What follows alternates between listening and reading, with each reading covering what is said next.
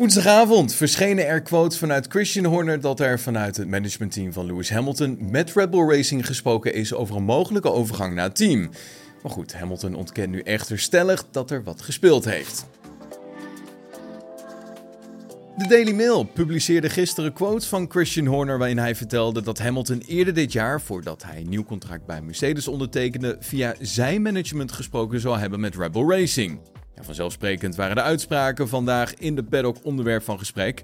Sky Sports vroeg aan de Mercedes-coureur naar de opmerkelijke woorden en Lewis geeft aan eigenlijk van niks te weten. Ik weet dat het verhaal vanuit Christian is gekomen, maar ik heb geen idee waar hij het over heeft. Niemand, zover ik weet, van mijn team heeft met hem gesproken. Ik heb in jaren niet met Christian gesproken. Hij heeft eerder dit jaar wel geprobeerd om een meeting met mij te organiseren, maar dat is het dan ook. Weet het niet echt. Ja, Hamilton moet dan ook wel weer lachen om de uitspraken van Horner. Hij zegt namelijk het volgende. Volgens mij probeert hij gewoon de dingen wat op te schudden. Er zijn geen vertrouwelijke gesprekken met Red Bull geweest. Ik weet het niet. Je kent Christian. Ja, hij houdt gewoon van dit soort dingen. Red Bull heeft het geweldig gedaan en is een indrukwekkend team.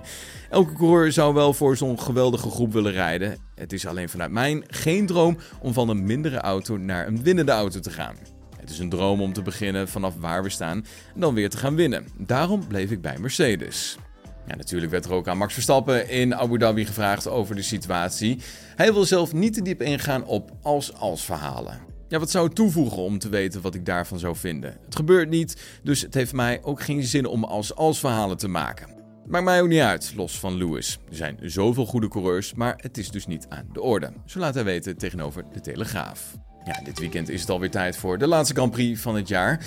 Maar helemaal veilig is het echter niet om naar het land af te reizen. Althans, dat meent de Britse overheid. De regering eh, waarschuwt namelijk voor mogelijke terroristische aanslagen in het land. Enkele weken geleden waren er berichten dat de race mogelijk werd afgelast, de slotrace van het seizoen, wegens de situatie in het Midden-Oosten en dan met name in Israël. Nou, dat gerucht werd al snel ontkracht, maar helemaal veilig lijkt de situatie in Emiraten ook weer niet te zijn.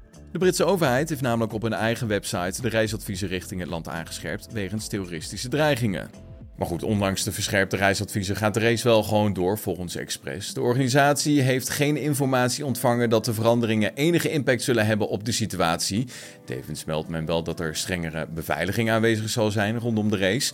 Reisadviezen van de Nederlandse overheid zijn overigens vooralsnog ongewijzigd. En tijdens de Grand Prix van Las Vegas was er veel gedoe over de straf van Carlos Sainz wegens eh, schade die hij had opgelopen tijdens de eerste vrije training op de vrijdag. Door de losliggende putdeksel dat roet in het eten gooide van de eerste en de tweede vrije training, liep de Spanjaard schade op en het team moest daardoor de nodige onderdelen vervangen, waardoor Sainz met 10 plaatsen gridstraf aan de race in de gokstand moest beginnen. Nou, Ferrari-president John Elkan vindt dat de VIA beter moet omgaan met zulke omstreden kwesties die de sport beïnvloeden. Ja, de hele gang van zaken schoot eh, in het verkeerde keelgat bij Ferrari. Men liet via Sainz en Fred Vasseur de onvrede al blijken. En dit keer mengt zelfs Elkan zich in de discussie. Ondanks dat de voorzitter zich eigenlijk zelden van zich laat horen in de media. Het is volgens Amerikaan een van de vele voorbeelden waarin de FIA de laatste jaren tekort is geschoten. Zo wijst hij bijvoorbeeld ook naar de budgetcap overschrijdingen van Red Bull Racing en de slotrace van 2021 in Abu Dhabi. Het is belangrijk om duidelijkheid te verschaffen binnen de regels. Je wil niet dat er dingen gebeuren en eindigen zoals het 2021 wereldkampioenschap. Je wil geen situaties zoals in Vegas waar je een 10 plaatsen straf krijgt. Als je dan bekijkt vanuit het standpunt van de reglementen, ook wat we hebben gezien met de budgetcaps, is het belangrijk dat je op dat soort gebieden veel meer duidelijkheid weet te realiseren. Zo laat Elkan weten tegenover de BBC.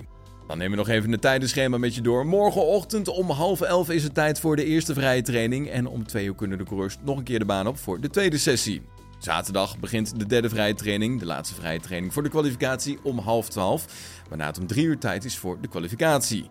En de race, de allerlaatste race van dit seizoen, de Grand Prix van Abu Dhabi, begint deze zondag om 2 uur in de middag was hem dan het GPFans nieuws hier op Spotify. Vond je dit een leuke aflevering? Vergeet ons dan zeker niet te volgen en dan zien we je morgenochtend weer. Tot dan.